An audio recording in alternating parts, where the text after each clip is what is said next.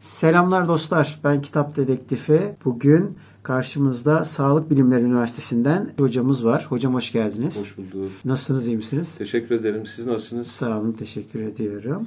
Yoğun programımızda bize teveccüh ettiniz. Teşekkür. Estağfurullah, Sağ Rica olun. ederim. Ben çok memnun oldum. Bu nazik davetiniz için ben teşekkür ederim. Sağ olun. Bugünkü konumuz sizin yazmış olduğunuz ilk Osmanlı sosyalistlerinden Doktor Refik Nevzat ve Siyasi Faaliyetleri isimli bir araştırma makalesi vesilesiyle sizinle Evet. tanışmış olduk. Ama sizi tanımayanlar için kendinizi minik bir tanıtabilir misiniz? Evet, teşekkür ederim. Ben Akif Çarkçı. Aslen Ordu doğumluyum ve orta öğrenimimin bir kısmını Ordu Ünye'de yaptım. Daha sonra İstanbul'a ailecek göç ettik. 1990'dan beri Üsküdarlıyım. Lise eğitimimi Üsküdar'da tamamladım. Sonrasında işletme lisansı aldım. Kütahya'da bitirdim. Yüksek lisansımı kamu yönetimi üzerine. Doktoramı da e, siyaset bilimi ve uluslararası ilişkiler alanında bitirdim iki yıl evvel. E, Onun dışında yazarlık yapıyorum. Düzenli olarak bazı mecralarda yazarlık yaptım. Amatör olarak gazetecilik yaptım geçmişte.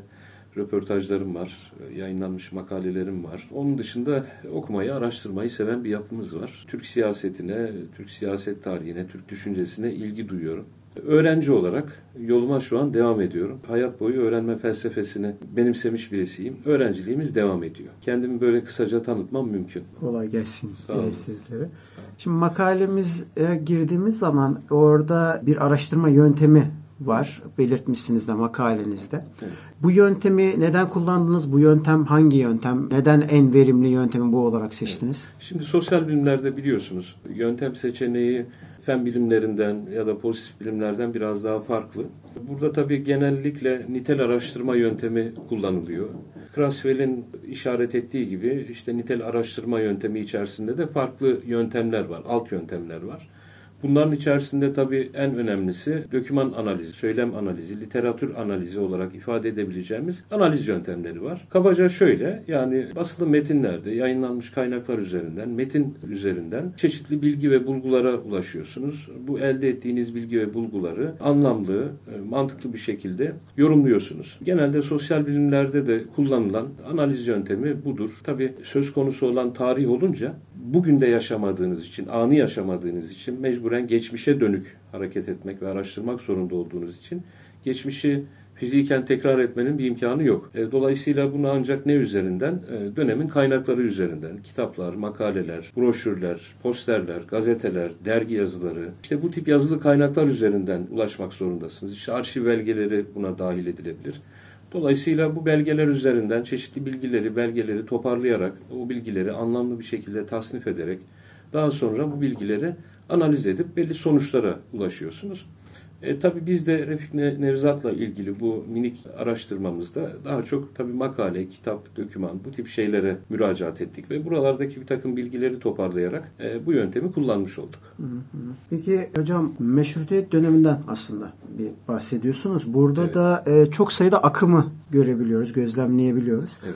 E, bunun peki sebebi nedir? Çok e, tırnak içerisinde demokratik bir ortam mı var? Yani neden Evet. böyle bir şey var? Tabii şöyle, e, meşrutiyet dönemi Tarık Zafer Tunayan'ın da belirttiği gibi aslında bir Türk siyasal hayatının bir laboratuvarı ve pek çok siyasi partinin kurulduğu bir dönem, pek çok siyasi akımın, düşünce akımının öne çıktığı bir dönem. Tarihsel olarak baktığınızda tabii bir imparatorluk dağılmak üzere ve bu imparatorluk işte 600 küsür sene ciddi bir coğrafyada hükümranlık sürmüş ve 1789 Fransız ihtilalinden sonra bütün dünyadaki o tarihsel önemli olaylarla beraber işte milliyetçilik akımlarının, ulus devletlerin ortaya çıkması, imparatorlukların parçalanması ile birlikte Osmanlı İmparatorluğu da benzer bir kaderi yaşadı. Diğer imparatorluklar gibi Osmanlı da parçalanmaya başladı. Ve tabii Osmanlı bürokrasisi içerisinde özellikle bürokratik elit içerisinde yetişen aydınlar yani bilhassa askeri bürokraside ve askeri eğitim alanında yetişen bürokrat, aydın ve yazar sınıfı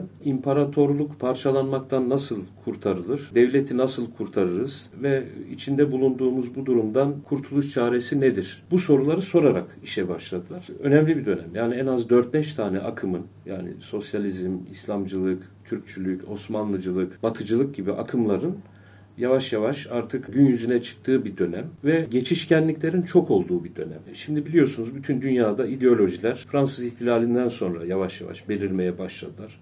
Tabii bunda endüstri devriminin de etkisi var. Endüstri devriminden sonra özellikle İngiltere'de işte sosyalizmin mesela e, ortaya çıkışında endüstri devriminin ciddi etkileri var. İşte daha sonra Alman sosyalizmi vesaire. İşte İslamcılığa baktığınız zaman İslamcılık imparatorluk coğrafyası içerisinde işgale uğramış, sömürge altında bulunan e, toplumların işte bir kurtuluş çaresi olarak emperyalizme ve işgalciliğe karşı itiraz olarak başlangıçta ortaya çıkmış bir hareket. İşte Osmanlıcılığa bakıyorsunuz. Osmanlıcılık Osmanlı tebaasını esas alan, henüz vatandaşlığa ve e, meşruti yönetime geçilmediği dönemde tüm Osmanlı tebaasını biz bir arada nasıl tutabiliriz, parçalanmaktan nasıl kurtarırız şeklinde hareket eden e, bir anlayış. Türkçülüğe baktığınızda evet Osmanlıcılık artık bize herhalde yetmeyecek. Yani e, farklı milletlerden, farklı etnisitelerden, farklı mezhebi ve dini eğilimlerden toplumlar bu çatı altında yaşıyor ama parçalanmak üzereler. Dolayısıyla elimizde kalan küçük bir coğrafya var. Acaba Türk coğrafyası, Türk etnisitesi ya da Türk kimliği bu anlamda bir çıkış yolu olabilir mi diye işte e, Türkçülük hareketi ortaya çıkıyor. Diğer taraftan baktığınızda işte Prens Sabahattin'in temsil ettiği liberal eğilimler ortaya çıkıyor. İşte mesela İslamcı Mehmet Akif'le işte diyelim ki e, liberal Prens Sabahattin, e, diğer taraftan Batıcı Celal Nuri, öbür tarafta pozitivist Abdullah Cevdet ya da Ahmet Rıza gibi isimlerin aynı dönemde ortaya çıktıklarını ve benzer ülkülerle hareket ettiklerini görüyoruz. Yani aslında baktığınızda çok farklı siyasal ya da ideolojik ya da fikri eğilimlere sahipler ama hepsinin ortak bir derdi var. Yani biz Batı karşısında nasıl pozisyon almalıyız?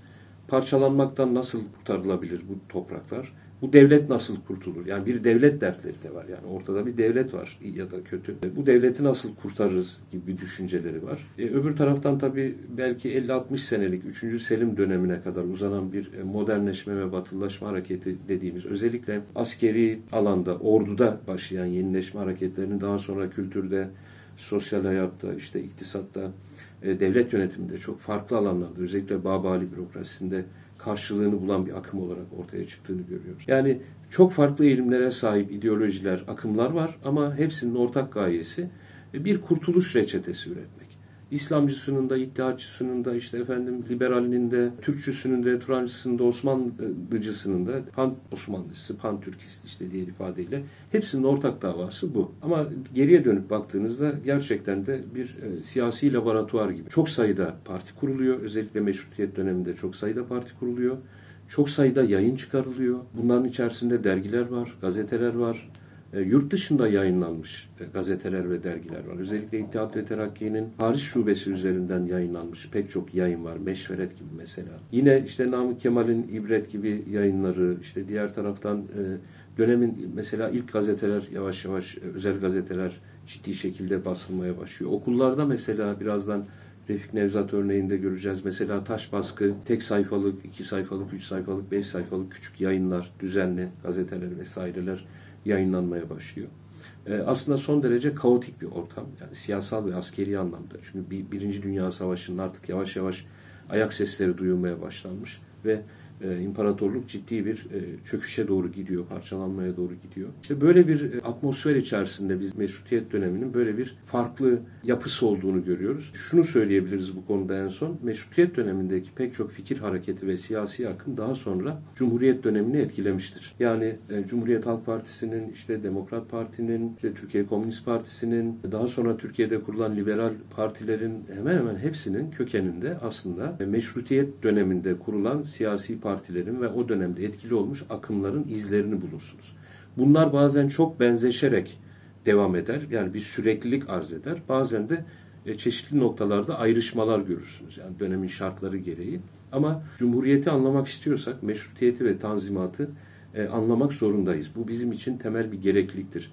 Yani bu akademisyenler için de böyledir, düşünce insanları için de böyledir aktif siyasetle uğraşan siyasal partiler, sendikalar, fikir düşünce toplulukları, ne bileyim e, farklı örgütlenmeler altında bulunan bütün aydın kesimi için bu gerekli bir şeydir. Peki bu noktada sosyalistleri biraz daha açabilirsek eğer pratik olarak neler yapıyorlardı? Evet. Yani nasıl düşüncelerini, fikirlerini yaymaya çalışıyorlardı? Osmanlı aydınlarının e, sosyalizmle tanışması aslında genç Osmanlılar hareketine kadar dayanıyor. Yani ideolojilerin özellikle ideolojik eğilimlerin Osmanlı aydını ya da tebaası üzerinde seçkinleri üzerinde diyelim daha çok e, etkili olması işte 1860-70 bu tarihlere rastlar. Mesela e, 1871 yılında Paris Komünü'ne katılıyor mesela Reşat Bey ve Nuri Bey is- isminde iki şahsiyet mesela Paris Komünü'ne katılıyorlar. İşte buradaki değerlendirmelerinin notlarını alıyorlar, getiriyorlar. İşte Namık Kemal'in İbret gazetesinde biliyorsunuz yayınlıyorlar. Komünizmle ilgili makaleler yayınlanıyor. Aa, ilk defa duydum. Yani mesela Namık Kemal biliyorsunuz İslamcı eğilime sahip e, dönem itibariyle İslamcı eğilime sahip birisi. E, bir yönüyle modernist ama bir yönüyle İslamcı eğilimleri olan, fikirleri olan birisi. Ama e, onun yayınında mesela komünizmle ilgili yazılara, makalelere rastlıyorsunuz. İşte yavaş yavaş bunlar böyle kar topu şeklinde büyüyor, ilgi alaka artıyor. İşte 1910'lara geldiğimizde mesela İştirakçı Hilmi'nin artık Türkiye Osmanlı Sosyalist Fırkası'nı kurduğunu görüyoruz. Yine e, bu kapsamda bir yayın çıkarıyor. İştirakçı Hilmi lakabıyla bildiğimiz Hüseyin e, Hilmi Efendi. Yani Hilmi Efendi olarak bildiğimiz şahıs hem Osmanlı Sosyalist Fırkası'nı kuruyor hem de bununla beraber bir yayın organı çıkarıyor. Tabi bu yayın organının Osmanlı aydınları arasında bir e, karşılığı var. E, dönemin fikir hareketleri aynı zamanda birbirlerini takip ediyorlar. Hatta e, aynı yayında benzer eğilimlere sahip yazarlar, takım makaleler, yazılar yayınlıyorlar. Bu da çok enteresan. Yani son derece aslında yazın hayatında demokratik bir ortam var. Çok farklı fikirler insanlar getiriyorlar heybelerinde ve bunları yazıya dökebiliyorlar. Çok enteresan bir şeydir. Tabii daha sonra 1920'lerde, ha 1919'da bu arada Osmanlı Sosyalist e, Fırkası artık e, Türkiye Sosyalist e, Partisi, Türkiye Sosyalist Hareketi olarak ortaya çıkıyor. Tabii İştirakçı Hilmi'nin bu arada bir sürgün hayatı var. Sürgünden döndükten sonra tekrar mücadeleye devam ediyor. Ve yine 1920'de Türkiye Komünist Partisi kuruluyor. Eş zamanlı olarak Türkiye dışındaki sosyalistler Türkiye İşçi ve Çiftçi Sosyalistler Birliği hareketini kuruyorlar. Yani partileşme aslında 1910'larda başlıyor ama daha kurumsallaşması, ayağının yere basar hale gelmesi işte 1920'leri buluyor. Burada tabii iştirakçı Hilmi önemli bir şahsiyet. Evet Refik Nevzat her ne kadar kendisini Türkiye'nin ilk sosyalisti olarak tanımlasa da aslında iştirakçı Hilmi'nin bu anlamda daha esaslı, daha ses getirici girişimlerde bulunduğunu görüyoruz. Mesela Refik Nevzat biraz sonra belki değineceğiz ama sosyalist fikre dair faaliyetlerini Paris'ten yürütürken iştirakçı Hilmi bu topraklarda, Osmanlı topraklarında bu işi gerçekleştiriyor. Nasıl yapıyorlar? İşte yayınlar yoluyla yapıyorlar. Çeşitli dergilerde, gazetelerde makaleler yayınlayarak yapıyorlar. Diğer taraftan programlar hazırlayarak yapıyorlar. İşte ıslahat programı, belediye programı, birazdan değineceğiz bunlara. İşte bu tip programları yayınlayarak yapıyorlar. Çeşitli mahfillerde, günün koşullarında konuşmalar yaparak bunu yayınlıyorlar. Yani Osmanlı sosyalistleri aslında iki konuda hassaslar. Yani iki konuda biz sosyalizm üzerinden nasıl bir katkı sağlarız, nasıl bir çözüm üretebiliriz bunu ölçmüşler. Yani o da nedir? Hürriyet fikri ve e, insan hakları. Yani bir tanesi işte siyasal yönetimle ilgili. E, anayasalı, işte meclisli bir idare istiyor e, dönemin aydınları. Pek çoğunda bu eğilim var ve pek çoğu da Sultan II. Abdülhamit'e karşı tavır geliştiriyorlar. Ona muhalefet ediyorlar biliyorsunuz. İstidat yönetimi olduğu düşüncesiyle Abdülhamit'e muhalefet ediyorlar ve bu muhalefetin neticesinde hürriyet, adalet, musavat, özgürlük gibi kavramlar gelişiyor. Biz bu kavramların aslında benzerlerinin 1789 Fransız ihtilalinden sonra e, ortaya e, döküldüğünü, bu kavramlar üzerinden Fransız ihtilalinin e, etkilerinin sürdüğünü görüyoruz. İşte Osmanlı aydını da işte 1860'lı 70'li yıllarda Fransız ihtilalinin etkisiyle bu kavramlarla tanışıyorlar ama bu kavramları nerede var ediyorlar? İşte bu akımların içerisinde var ediyorlar.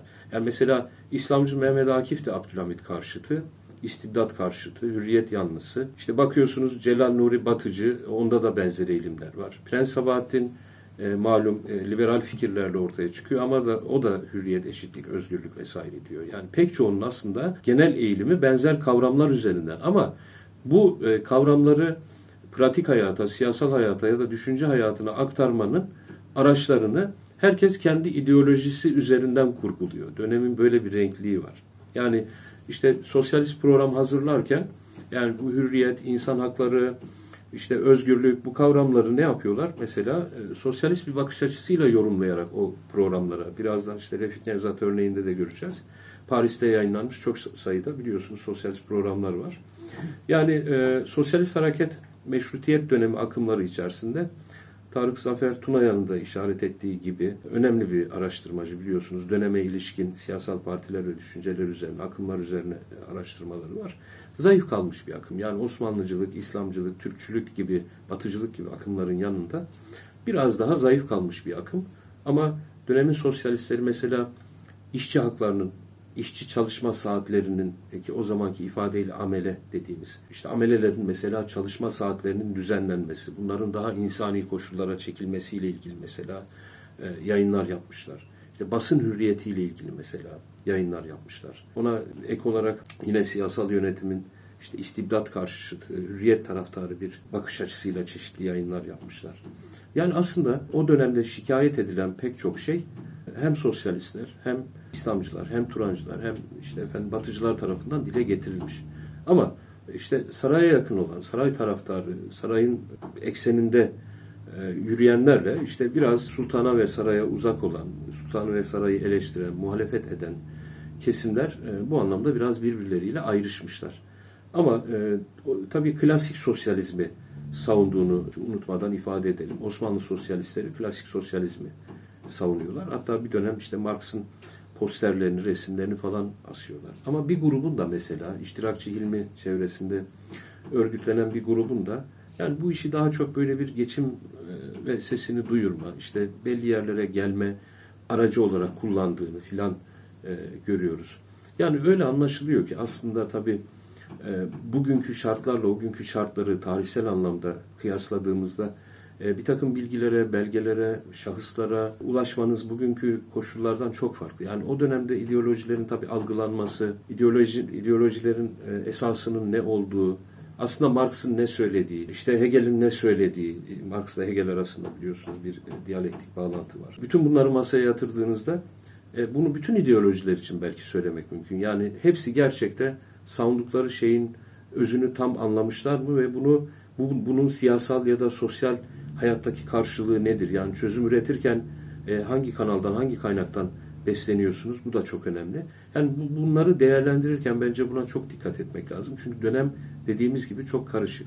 Hakikaten farklı ilimlerin bir araya geldiği ve çok farklı, özellikle İttihat ve Terakki içerisinde çok farklı e, eğilimlerin olduğu bir dönem. Dolayısıyla bunları değerlendirirken bu kriterleri iyi algılamak ve anakronizme de çok düşmemek lazım. Bunu şuradan anlıyoruz. Yani pek çok eğilimdeki ortak tavır ülke, devlet nasıl kurtulur, toplum nasıl kurtulur bir varoluş mücadelesi var. Bu varoluş mücadelesini kimisi kendi iç kaynaklarına, kendi iç düşünsel işte İslamcılık gibi belki biraz daha ve Osmanlıcılık gibi ama Batıcılık, sosyalizm yani bu hareketler biraz daha milliyetçilik, o da dış kaynak. Yani Fransız ihtilalinden sonra bünyeye girmiş fikirler. İşte bunların tamamını değerlendirirken bütün bunları göz önünde bulundurmak gerekir diye düşünüyorum. Bu mesela makalede de şöyle bir şey vardı. Siz bir örneklendirme yapmıştınız. Trablusgarb'ın işgali sonrasında evet. İtalyanlar mesela şey Fransızca yazılan bir e, dergide askerlere direkt çağrı yapma hali evet. var mı? Bu hareket mesela aslında e, normalde tırnak içerisinde günümüzde alıştığımız bir şey değil. Günümüzde nedir? İktidarlara hani e, hep çağrılar yapılır vesaire. Bu aslında hareket bile mesela e, başka bir yansıması var. E, özellikle Yunanistan Komünist Partisi'nin de yaptığı mesela çağrılar vardı. Milli mücadele sırasında onunla ilgili bir program yapmıştık. Orada e, Foto Hoca söylemişti mesela. E, o çağrıda e, askerlere yönelik mesela yapılmış. Yani resmen bir aslında yöntemsel olarak çok benzeyen ama aynı zamanda şahs günümüzden bakınca şahsına münasır Tabii. tırnak içerisinde bir e, sosyalist hareket görüyoruz. Yani ne kadar hareketlenir bilemiyorum ama yani evet. sosyalist düşünce. Evet, harekettir. e, niye harekettir? Çünkü e, özellikle Paris'teki faaliyetlere baktığınız zaman mesela Refik Nevzat, iştirakçı ilmi bunlar aynı zamanda aksiyon adamlar. Yani bir fikrin harekete dönüşmesi, aksiyona e, dönüşmesi çok kolay bir şey değildir. Bir takım fikirlerinizi yazı yoluyla yayınlayabilirsiniz, konuşmalar yapabilirsiniz vesaire falan ama işin diğer tarafına geldiğinizde eğer bir bedel ödüyorsanız ki pek çoğu sürgüne gönderilmiştir. Yani Refik Nevzat'ın abisi mesela şimdi hazır yeri gelmişken burada söyleyelim ee, mesela abisi Tevfik Nevzat Hı. Adana'da boğdurularak ve bir kuyuda adeta işte katledilerek öldürülmüştür. Onun, onun öncesinde mesela bir sürgün hayatı var. Sürgünden kurtuluyor. İzmir'e geri geliyor. Daha sonra tekrar Adana'ya sürgün ediliyor. İştirakçı Hilmi mesela sürgüne gönderiliyor. İşte Refik Nevzat mesela Sevr'e karşı çıktığında E, buradaki e, Divan-ı Harp e, mesela kendisi hakkında idam kararı çıkarıyor. Yani bu adamlar gerçekten bedel ödemiş adamlardır. Yani sadece sosyalistler değil, e, İslamcılar da bedel ödemiştir. Başka akımlara mensup başka insanlar da bedel ödemişlerdir. Sürgüne gönderilmişlerdir. E, işte fikirleri, kitapları yasaklanmıştır. Şimdi birazdan mesela Refik Nevzat örneğinde göreceğiz. Pek çok kitabı mesela Refik Nevzat'ın e, yayınlanmamıştır. Yani e, neticede aslında tabii şey de bir aksiyondur. Yani bir yayın çıkarmak, bunu dağıtmak, kitlelerle paylaşmak, işte çeşitli mahfillerde fikirlerinizi paylaşmak, konuşmak bu da bir aksiyondur. Yani evet bir harekettir. Yani sadece bir düşünsel akım değil. Yani bu hareketler aynı zamanda hem e, birer sosyal teoride karşılığı olan bir fikir hareketidir. Diğer taraftan siyasal anlamda partileşmiş, örgütleşmiş, örgütlenmiş e, ve aksiyon almış hareketlerdir. Ve bu hareketleri omuzlayan insanlar da aynı zamanda aksiyon insanıdırlar.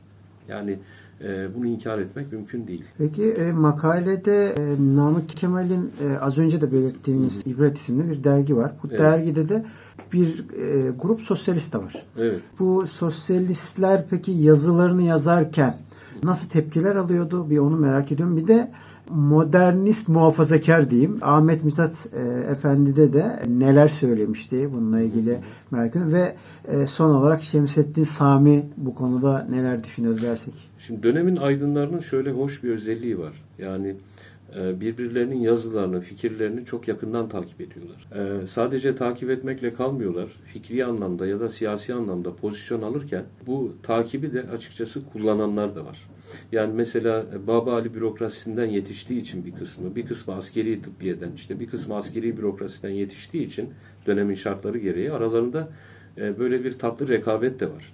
Yani işte diyelim ki sultana yakın olup işte atama bekleyen, yükselmek isteyen e, aydınlar var. E, onun karşısında işte sultana muhalefet eden aydınlar var.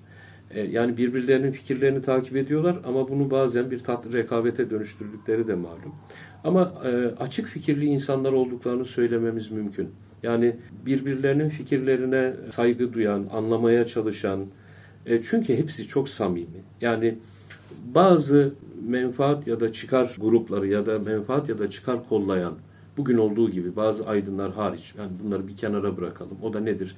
İşte bürokrasi içinde yükselmek, yurt dışında bir elçilik almak, çeşitli yerlere atanmak. Yani bu gibi amaçları olmayan aydınların ortak noktası meşrutiyet dönemi aydınların en e, bence büyük özelliği e, fikirlerinde, gayelerinde, hedeflerinde samimi olmaları. Çünkü hepsinin derdi ortak biraz evvelki konuşmalarda ifade ettiğimiz gibi hepsinin derdi devlet, vatan nasıl kurtulur? Dertleri bu.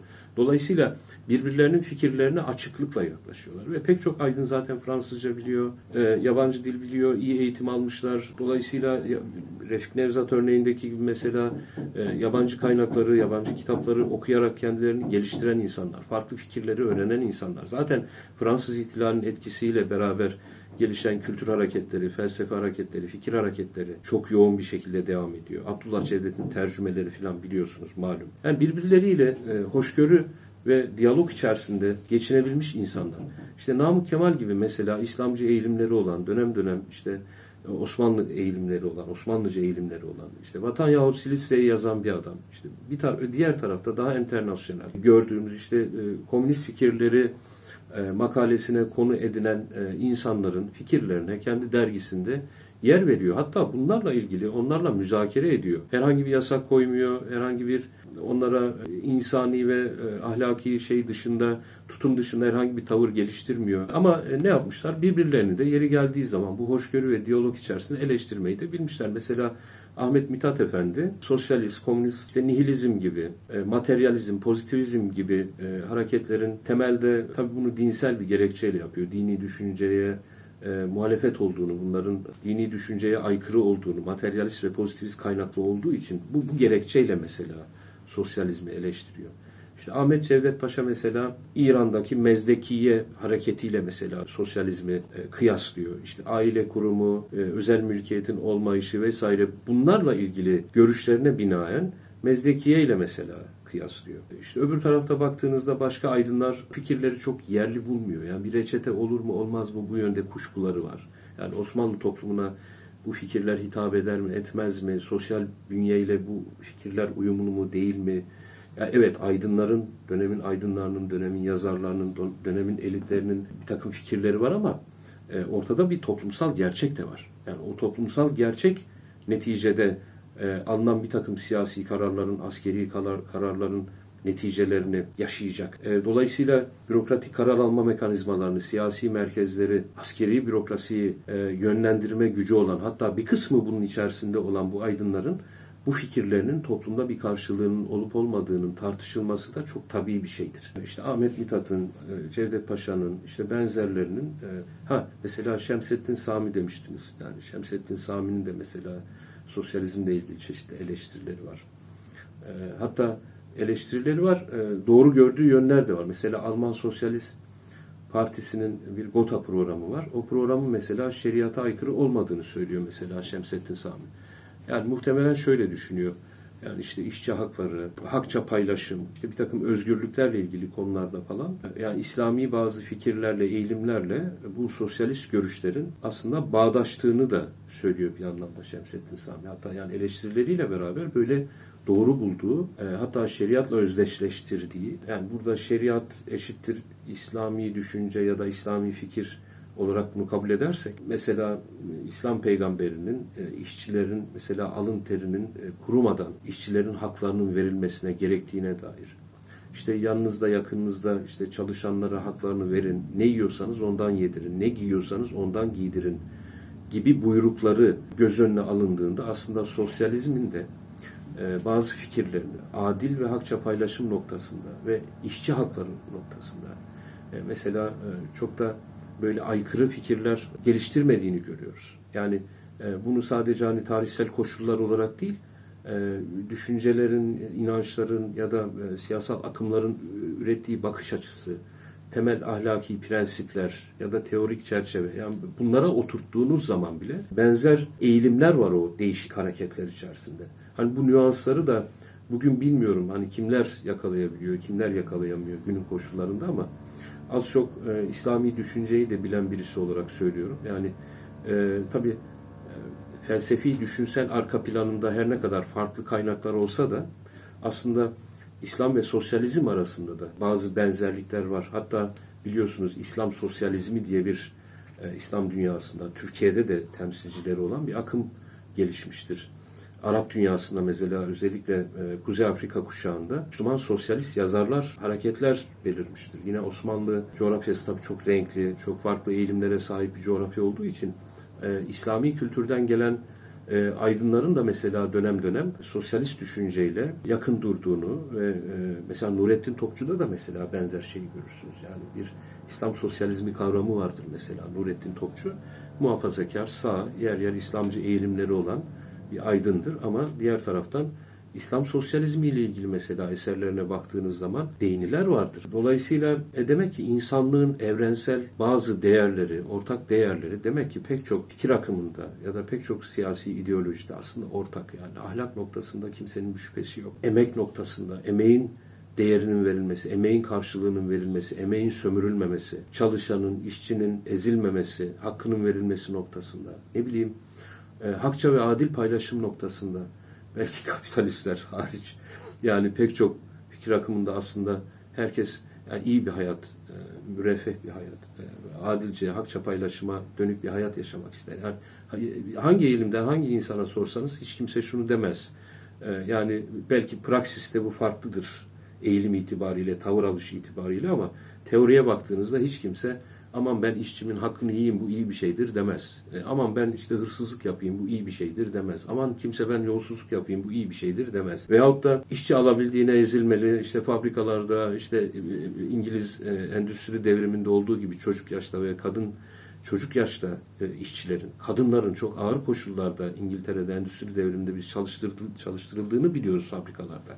E şimdi vicdan taşıyan e, bir adam, ahlak taşıyan bir adam nasıl evet bu çok iyi bir şeydir. Yani kadınlar, işte e, çocuklar gayri adil, gayri insani, gayri ahlaki koşullarda saatlerce ezilmeli, çalıştırılmalı diyebilir mi? Bu mümkün değil. Yani toparlayacak olursak eleştirenler de var. Yani Osmanlı sosyalistlerini haklı bulanlar da var. Tabii bütün bunlar ama e, bence daha demokratik, daha hoşgörülü bir ortamda yürümüş. Yani ben benim kanaatim bu. Başkaları farklı düşünebilir. Ee, Ben bir e, dipnot olarak size bir ek yapmak istiyorum. Görüşlerinizin yanında şu bende doğurdu. Gota programının eleştirisinde mesela Marx'ın da Gota programına eleştirildiği biliniyor. E, Ve bunu çok revizyonist yani uzlaşmacı bulduğu biliniyor falan. Dolayısıyla tırnak içerisinde biraz daha ılıman bir şey olduğu Tabii, için tabii, o, tabii. o yönüyle de yakın görmüş olabilirler diye Ha, düşünüyorum. şunu söyleyeyim. Osmanlı Sosyalist e, Fırkası'nın programında mesela Prens Sabahattin'in de onayladığı liberal fikirler var.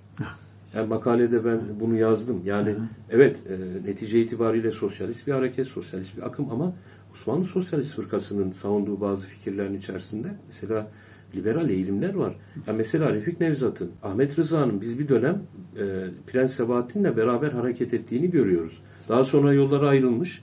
Belli konularda fikir ayrılık- ayrılıklarına düşmüşler, aksiyon ayrılıklarına düşmüşler ayrı bir şey. Ama mesela bir takım benzer fikirler var. Yani şimdi biz tabii şöyle bakıyoruz. Yani salt, saf, böyle pür bir ideoloji var. Yani tamamıyla bu salt, pür ideoloji bütün yazınsal kaynaklarıyla ve bütün aksiyon alışıyla merkeze ve merkezi fikre bağlı yürüyor diye bir düşün. Aslında böyle değil. Yani İslamcılığın da mesela kendi içinde bu anlamda farklı varyasyonları var. İşte liberalizmin kendi içinde farklı e, varyasyonları var. Kapitalizmin, sosyalizmin kendi içinde çok farklı. İşte revizyonist sosyalizm var değil mi? Ya Alman sosyalizmi başka bakıyor. İşte dönem dönem Saint-Simon başka bakıyor, öbürü başka bakıyor. Yani çok farklı eğilimler var. İşte bugün sosyal demokrat çizgiye mesela değil mi?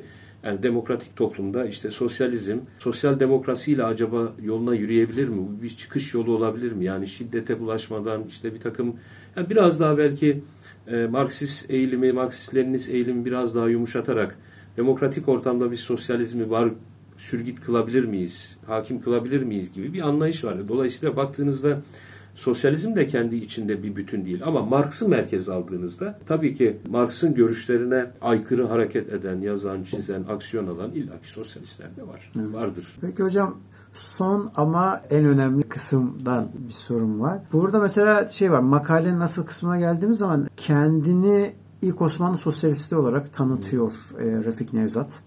Peki bu gerçekten ilk sosyalist mi? Az önce mesela başka birisinden bahsettiniz. Gerçekten ilk sosyalist olduğu bilinen demiştiniz mesela. Yoksa bu reklam mı? Yani Refik Nevzat'ın yaptığı bir reklam mı? Bir PR mı? Ve e, daha da önemlisi Refik Nevzat kimdir? Neler yapmıştır? Ve en benim için şey e, sosyalist olarak kendini tanımlıyor. Ama en sonunda mesela sizin makalenin son kısmında belirttiğiniz e, benim için biraz magazin şeklinde olan masonluğa kabul edilmesi kısmı var. Bu, bu kısım hakkında neler söyleyebilirsiniz deyip bitirelim. O zaman şöyle başlayayım. E, Bu herhalde biraz geniş bir kısım olacak. Refik Nevzat bir kaynağa göre 1872, bir kaynağa göre 1873 İzmir doğumlu. Yani İzmirli bir ailenin çocuğu. Babası da okuyan aydın kesiminden bir adam. Abisi zaten o dönemde e, İzmir'de gazete çıkaran, yazılar yazan, makaleler yazan, e, hürriyetçi fikirlere sahip. İşte Sultan II. Abdülhamit dönemiyle çok barışık olmayan, dönemin diğer aydınları gibi işte Abdülhamit yönetimini istibdatla e, eşdeğer gören anlayışa sahip. Bu anlamda belki işte Mehmet Akif'in hocası, işte Kadri Hoca e, olarak bilinen, daha sonra Refik Nevzat'la Paris'te yolları kesişecek olan işte Kadri Hoca gibi hürriyetçi fikirlere sahip birisi. Zaten Refik Nevzat'ın e, büyümesinde, yetişmesinde ve fikri eğilimlerinde abisinin büyük katkısı var. Aralarında aşağı yukarı 7-8 yaş fark var. Yani sanıyorum abisi e, 1860'larda doğmuş, 65 gibi, 65 ya da 66 doğumlu. E, Zaten e, Refik Nevzat e, İttihat ve Terakki içerisinde e, yetişen, İttihat ve Terakki'ye e, dahil olmuş, e, kadrolarına dahil olmuş bir isim. Askeri tıbbiyede eğitim alıyor. Fakat e, o dönem e, ilginç bir bilgi var. Tabii bunu tam teyit edemiyoruz ama Abdülhamit'e suikast düzenleyeceği söylenen iki askeri tıbbiye öğrencisinden biri olduğu söyleniyor Refik Nevzat'ın. Tabii bu o dönemin jurnal kaynaklarında belki teyit edilebilecek bir bilgi. Onun dışında e, ben e, akademik yazında açıkçası bir karşılığını göremedim. Ama İttihat ve Terakki içerisinde bulunuyor olması, mevcut e, idareyle, siyasal yönetimle barışık olmaması, işte bu arada İbrahim Temo'yla mesela tanışması, İbrahim Temo'nun fikirlerinden etkilenmesi. Bunlar tabii önemli aşamalar ve askeri tıbbiyede eğitimini yarım bırakıyor Refik Nevzat. 1894 yılında Paris'e göçüyor. Paris'e gidiyor. Abisi şöyle bir tavsiyede bulunuyor. E, siyasi ilimlere ve siyasi fikirlere, filozofiye olan merakını biliyor abisi. Diyor ki e, kesinlikle tıbbi eğitimini yarımda yarı bırakma. E, eğitimini tamamla. Başka bir tahsille yurda dönmeyesin diyor. Refik Nevzat da abisinin tavsiyesine uyarak Paris'te tıp eğitimini tamamlıyor. Ama bu arada Refik Nevzat aslında daha askeri tıbbiyedeyken hatta Kulel İdadisi'nde okurken mesela taş baskı bir gazete çıkarıyor. İşte bunun yanında yabancı kaynakları, yabancı yayınları okuyor, Fransızca kitaplar okuyor. E, tabii İttihat ve Terakki içerisindeki biliyorlar, onu takip ediyorlar ve dolayısıyla İttihat ve Terakki içerisinde devam etmesini uygun buluyorlar. Daha sonra zaten Paris'e gittiğinde Ahmet Rıza ile yolları kesişiyor ve orada Ahmet Rıza ile tanışıyorlar. Tabii Ahmet Rıza ile e, İttihat ve Terakki'nin Paris şubesi olması ve İttihat Terakki'nin e, işte buradaki çeşitli baskılardan kaçarak İttihat Terakki'nin Paris kanadının e, o kanatla beraber Refik Nevzat'ın hareket ettiğini görüyoruz. E, Refik Nevzat kısaca yani yabancı dil bilen, işte dönemin yerli yabancı kaynaklarını okuyan, entelektüel eğilimleri olan, fikir dünyasına meraklı, fikir üretme kabiliyeti olan bir adam. Tabii Refik Nevzat'ın aslen e, sosyalist fikirlerle tanışması esasında Paris'e dayanıyor. Paris'te mesela iki önemli e, sosyalist yazarla orada tanışıyor. Onlarla çeşitli fikri mülahazalarda bulunuyor. Refik Nevzat'ın esas sosyalizmle tanışması aslında Paris'tedir. Buradaki hayatında daha çok İttihat ve Terakki kadroları içerisinde işte mevcut yönetime karşı muhalefet eden, işte meşruti yönetimi isteyen, kanuni esasinin tekrar yayınlanmasını arzu eden bir fikri yapısı var. Yazı hayatına da 1911'de başlıyor Refik Nevzat. Esaslı yani kitaplarını, makalelerini yayınlaması bu yıllara denk geliyor. Paris'te yine yazı hayatına devam ediyor. Ee, ve e, belki de işte en büyük katkısı sosyalist e, düşünceye ve harekete Paris'te mesela Beşeriyet isminde bir e, yayın çıkarıyor, gazete çıkarıyor. Onun da aşağı yukarı çıkış tarihi herhalde 1911 gibidir. O yıllarda hatta 1910 gibi bu dergiyi, bu gazeteyi çıkarmaya başlıyor. Beşeriyet'in bazı sayıları Fransızca, bazı sayıları Osmanlıca olarak yayınlanıyor.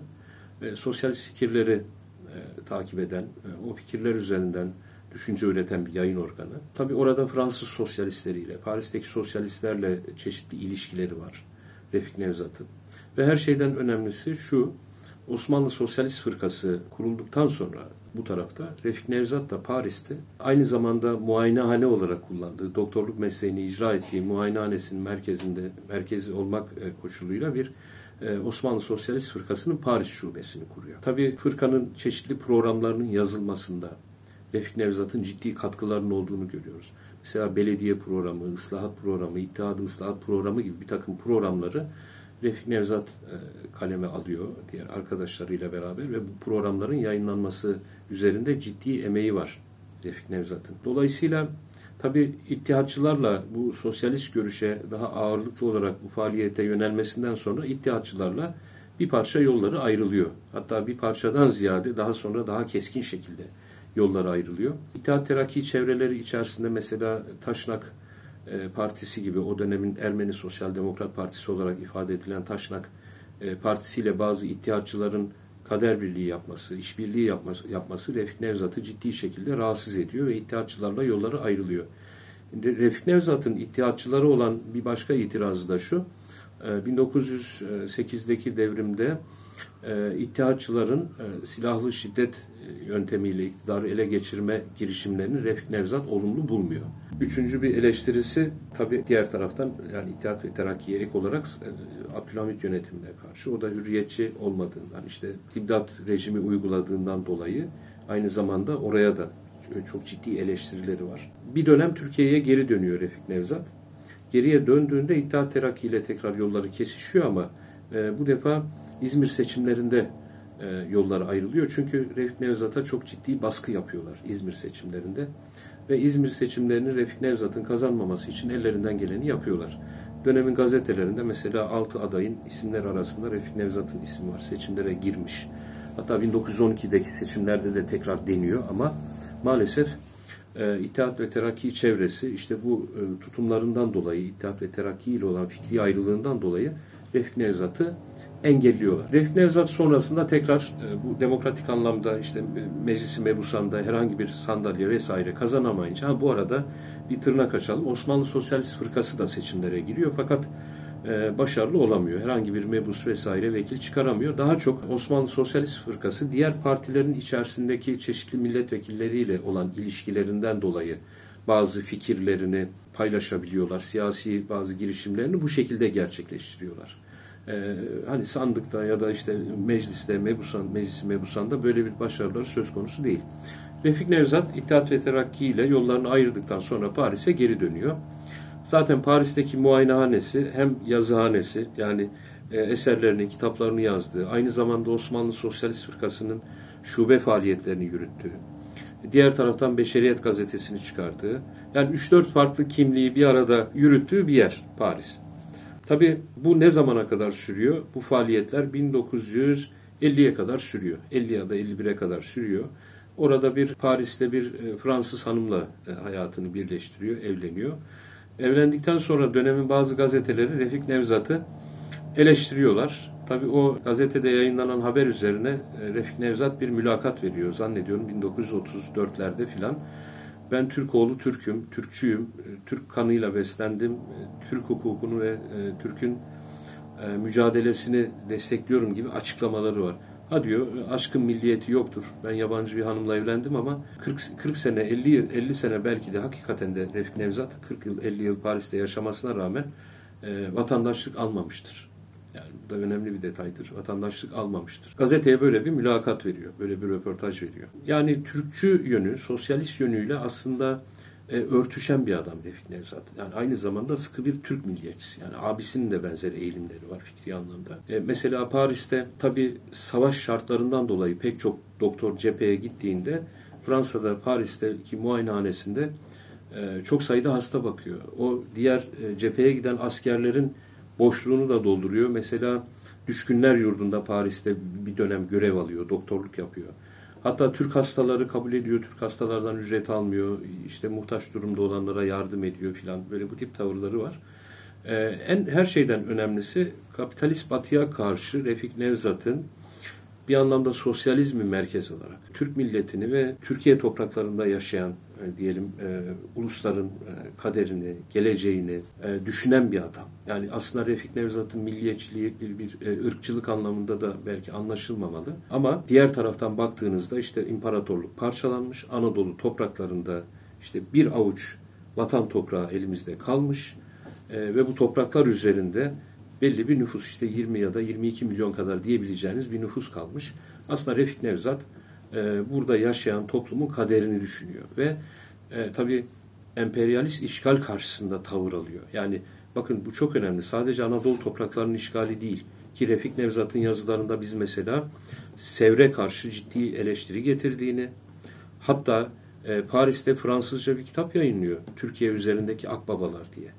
Ve orada bütün Sevir e, anlaşması neticesinde e, imparatorluğu parçalamak, Anadolu'yu işgal etmeye gelen bütün emperyalist güçlere karşı ki Fransa da buna dahildir. Yani Paris'te bulunduğu yıllarda Fransız yönetimini de eleştiriyor. Fransa'ya da çok ciddi eleştiriler getiriyor. O kitabı da belli bir dönem yasaklanmıştır. Sevr'e karşı çıktığı için burada bizde Sevr taraftarı olan çevreler tarafından da divanı harpte maalesef yargılanmıştır. Hatta gıyabında idam kararı çıkartılmıştır Refik Nevzat'ın. Dolayısıyla bu toprakların kaderini düşünen, bir tarafta internasyonel fikirlerle hareket eden ama diğer tarafta milli duyguları olan, işte bu küçücük vatan toprağında artık kader birliği yapan toplumların, ya bu önemli değil. E, yani etnik kökeni, mezhebi kökeni, Alevisi, Sünnisi, Türkü, Kürdü şu önemli. Yani Türkiye sınırları içerisinde yaşayan bu toplumun kaderini, geleceğini kapitalist batı karşısında savunmacı bir refleksle tavrını ortaya net olarak koyan bir adam. Ki bunun bedelini de zaman zaman şöyle ödemiş. İşte hakkında gıyabında idam kararı çıkartılmasının yanında e, Refik Nevzat'ın çok sayıda yayını var. Yani Beşeriyet Gazetesi dışında kah müellifi olduğu, tek müellifi olduğu, tek kah e, ortak yazarlarla beraber kaleme aldıkları eserleri var. Bu eserlerin pek çoğu e, hem Fransa'da hem de Osmanlı'da hem de Cumhuriyet döneminde yasaklanmış. Pek çok yayın mesela irade-i seniye ile mesela Osmanlı döneminde bir takım yayınları yasaklanmış, alınmamış İstanbul'a vesaire yerlerde okunması, işte dağıtılması, yayınlanması yasaklanmış. Cumhuriyet döneminde de mesela Refik Nevzat'ın yasaklanan yayınları var baktığınızda. E, yayınları içerisinde mesela en önemlisi sosyalizm ve amele hizmetleri olacak. E, yanlış hatırlamıyorsam e, amele hakları ya da olacak. Yani işçi haklarıyla sosyalizmin temel fikrini e, inceleyen e, bir eser. En önemli eserlerinden bir tanesi zaten o. Mesela Abdülhamit'i eleştirdiği, Abdülhamit dönemini eleştirdiği bir başka yazarla ortak kaleme aldıkları bir tiyatro eseri var. Yani 50 küsür sayfalık bir tiyatro eseri var. İşte yine Türkiye üzerinde akbabalar dediğimiz o emperyalist güçleri eleştirdiği bir eseri var Refik Nevzat'ın aynı zamanda aşağı yukarı e, sanıyorum 30'a yakın yayını var bu anlamda Refik Nevzat'ın. Bazıları böyle 25-30 sayfa, 40 sayfa gibi risale boyutunda, daha küçük broşür boyutunda eserler. E, ama etkili eserler. Yani dönemin e, şartlarında okunmuş, dağıtılmış, işte eleştirilmiş, haklı bulunmuş vesaire. Yani karşısında ya da yanında pek çok görüşünde bildirildiği aynı zamanda yayınlar. Yasaklanması zaten başlı başına bir e, aksiyon olarak görülebilir. Eğer bir yayın yasaklanıyorsa demek ki fikri anlamda orada e, birileri için e, tırnak içerisinde bir takım ateşli fikirler ya da zararlı fikirler olduğunu düşünmek mümkün. Bu pek çok şey için böyle yani yazar ve ideoloji için böyle. E, dolayısıyla e, Refik Nevzat'ın böyle bir kaderi var. Refik e, Nevzat'ın masonluğu konusunda da şöyle bir bilgi var elimizde. 1900 yılında Refik Nevzat'ın Paris'te masonluğa intisap ettiği söyleniyor. 32. dereceden evet dediğiniz gibi bir magazin bilgisi bu da. 32. dereceden mason olduğu e, biliniyor. Diğer taraftan 1953 yılında İstanbul'da e, burada Şişli Sıhhat Yurdu'nda vefat ettiğinde de e, dönemin gazetelerinde e, çeşitli mason e, localarının kendisinin vefatına ilişkin e, gazete ilanlarını görüyoruz. E, ama masonlukla ilişkisi ne kadardır e, açıkçası buna dair elimizde detaylı bilgi yok. Zaten e, o dönemin e, gerek İttihat Terakki e, bünyesi içerisinde gerek askeri bürokrasi ya da tıbbi bürokrasi içerisinde ki bu adamların pek çoğu malumunuz e, askeri tıbbiyeden yetişen adamlardır. Yani İttihat Terakki kadrolarının pek çoğu askeri tıbbiyeden yetişmiştir. E, dolayısıyla daha sonra bu şahsiyetlerin e, çeşitli siyasi, sosyal e, oluşumlar içerisinde yer alması mukadderdir. E, çünkü imparatorluk e, özellikle e, İstanbul yani İstanbul merkezli baktığımızda Tanzimat'tan sonra yavaş yavaş çeşitli azınlıkların burada çeşitli okullar açtıklarını, işte çeşitli localar kurduklarını, e, özellikle İsviçre merkezli e, locaya bağlı, Fransız locasına bağlı localar açtıklarını biliyoruz. Yine İtalyanların, Amerikalıların, İngilizlerin okullar açtıklarını biliyoruz. İşte büyük kulübün kurulması Circle Dorian'ın o Refik Halit'in romanlarında e, çokça rastladığımız işte Circle Dorian gibi büyük kulüp gibi hatta bugün bile belki Türk siyaseti üzerinde veyahut da iş dünyası üzerinde e, ciddi etkilerinin olduğunu bildiğimiz bir takım yapıların e, o dönemde temellerinin atılmaya başlandığını görüyoruz. E şimdi tabii bu dış kaynaklı oluşumlar ister okul olsun, ister loca olsun, işte ister bir gazete ya da dergi olsun, bir yayın olsun bir yayın evi olsun yani hiç önemli değil.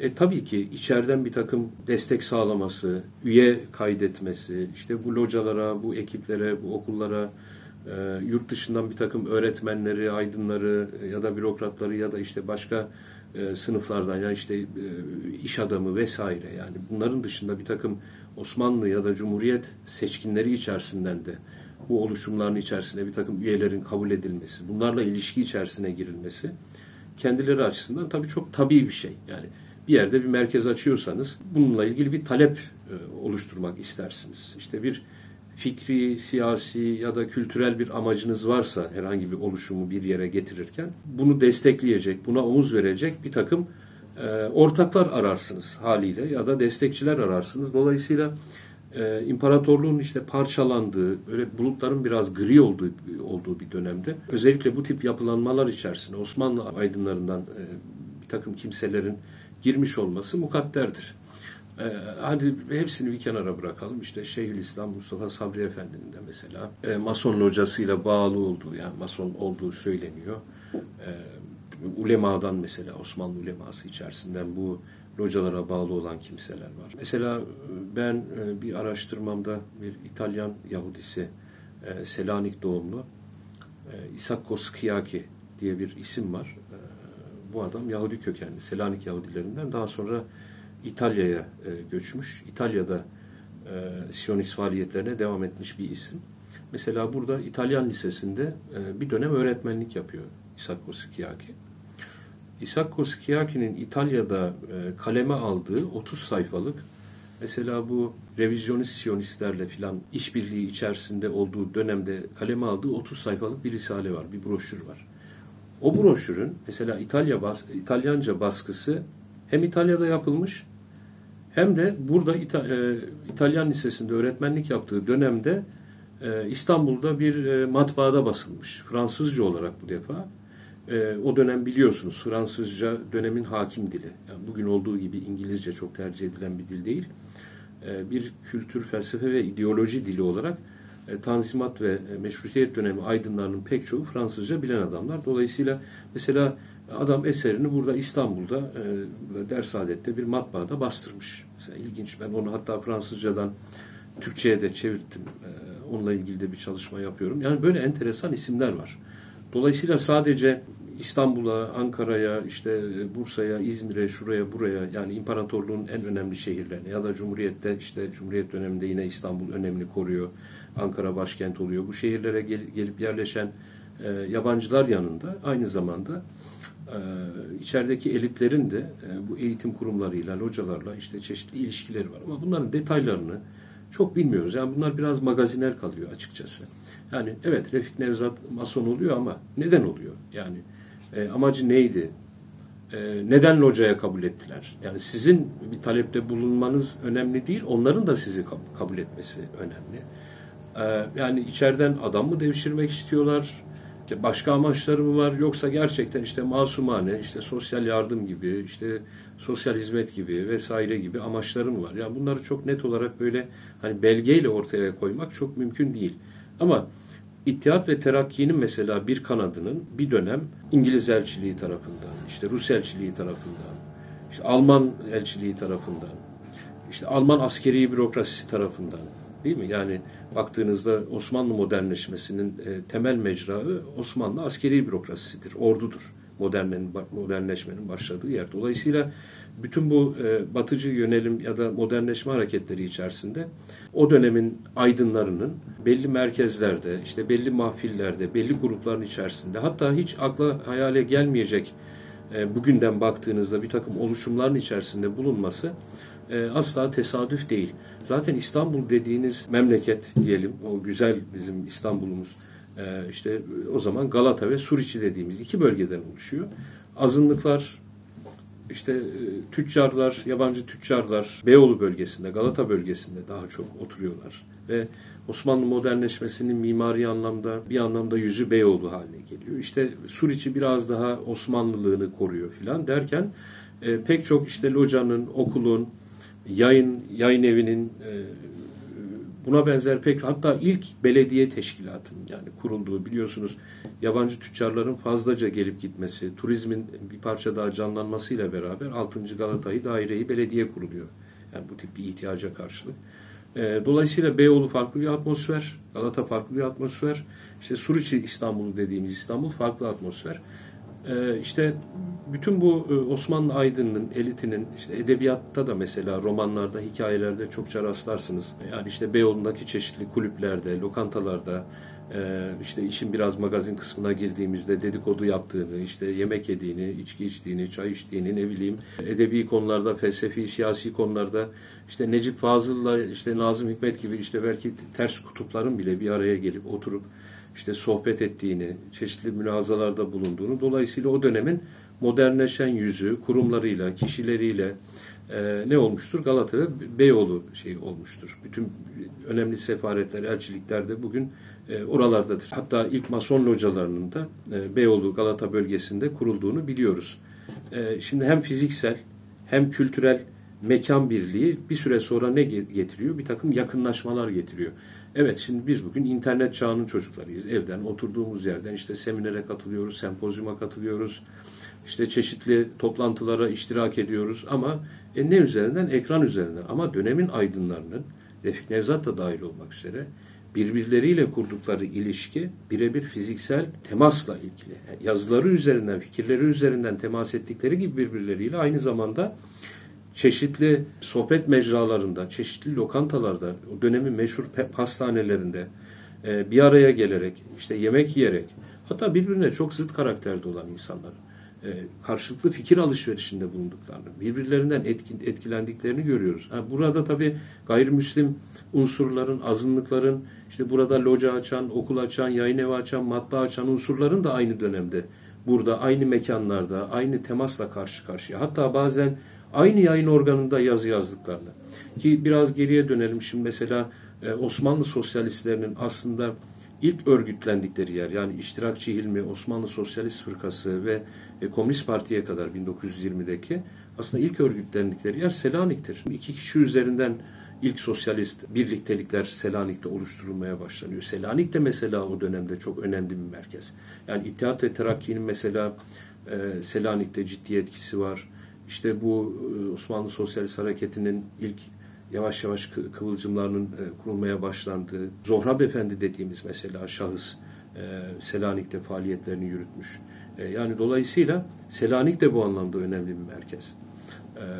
Yani kabaca şöyle toparlayacak olursak Refik Nevzat'ın tabi diğer meşrutiyet aydınlarından çok fazla bir farkı yok. Yani ideal olarak, ülke olarak, amaç ve hedef olarak Refik Nevzat diğerleriyle benzer fikirleri paylaşıyor. Ama kendisine temel olarak sosyalist fikirleri, sosyalist düşünceyi alıyor. Sosyalistliğinin yanında iyi bir e, milliyetçi olduğunu, Türk milliyetçisi olduğunu görüyoruz. Bunu da hem aksiyon hem de fikir anlamında savunuyor. Çevre karşı duruyor, emperyalizme karşı duruyor. Bu, böyle, bu tip bir tavrıyla da diğer bazı aydınlardan farklılaştıklarını görüyoruz. Ki İttihat Terakki içerisinde de mesela e, çok farklı eğilimler var. İşte o dönemde Taşnak partisiyle bir araya gelmiş mesela aydınları eleştirdiklerini, işte Trablusgarp'ın işgaline e, karşı durduğunu görüyoruz ve bedel ödediğini görüyoruz. Yani fikirlerinden dolayı, aksiyonundan dolayı bedel ödediğini görüyoruz. Ve en son burada 1953 yılında vefat ediyor. 1960 diyenler de var Refik Nevzat'ın e, ölümüyle ilgili e, iki bilgi var. Fakat dönem gazetelerinde yer alan haberler, vefat ve başsağlığı ile ilgili ilanlar 1953 yılında aslında vefat ettiğini ispatlıyor. Peki çok teşekkür ediyoruz. Ben teşekkür ee, ederim. Sayenizde ilk sosyalisti de tanımış olduk. Evet. O zaman veda etmeden önce ben şey söyleyeyim bizi izleyenlere. Bize destek olmanız için Askıda Kültür Sanat e, hashtag ile bize bir bilet ısmarlayabilirsiniz. Yapmış olduğunuz biletler bizim ayakta kalmamız için çok işe yarıyor. Yorum yapmayı, beğenmeyi, paylaşmayı unutmayınız. Görüşmek üzere.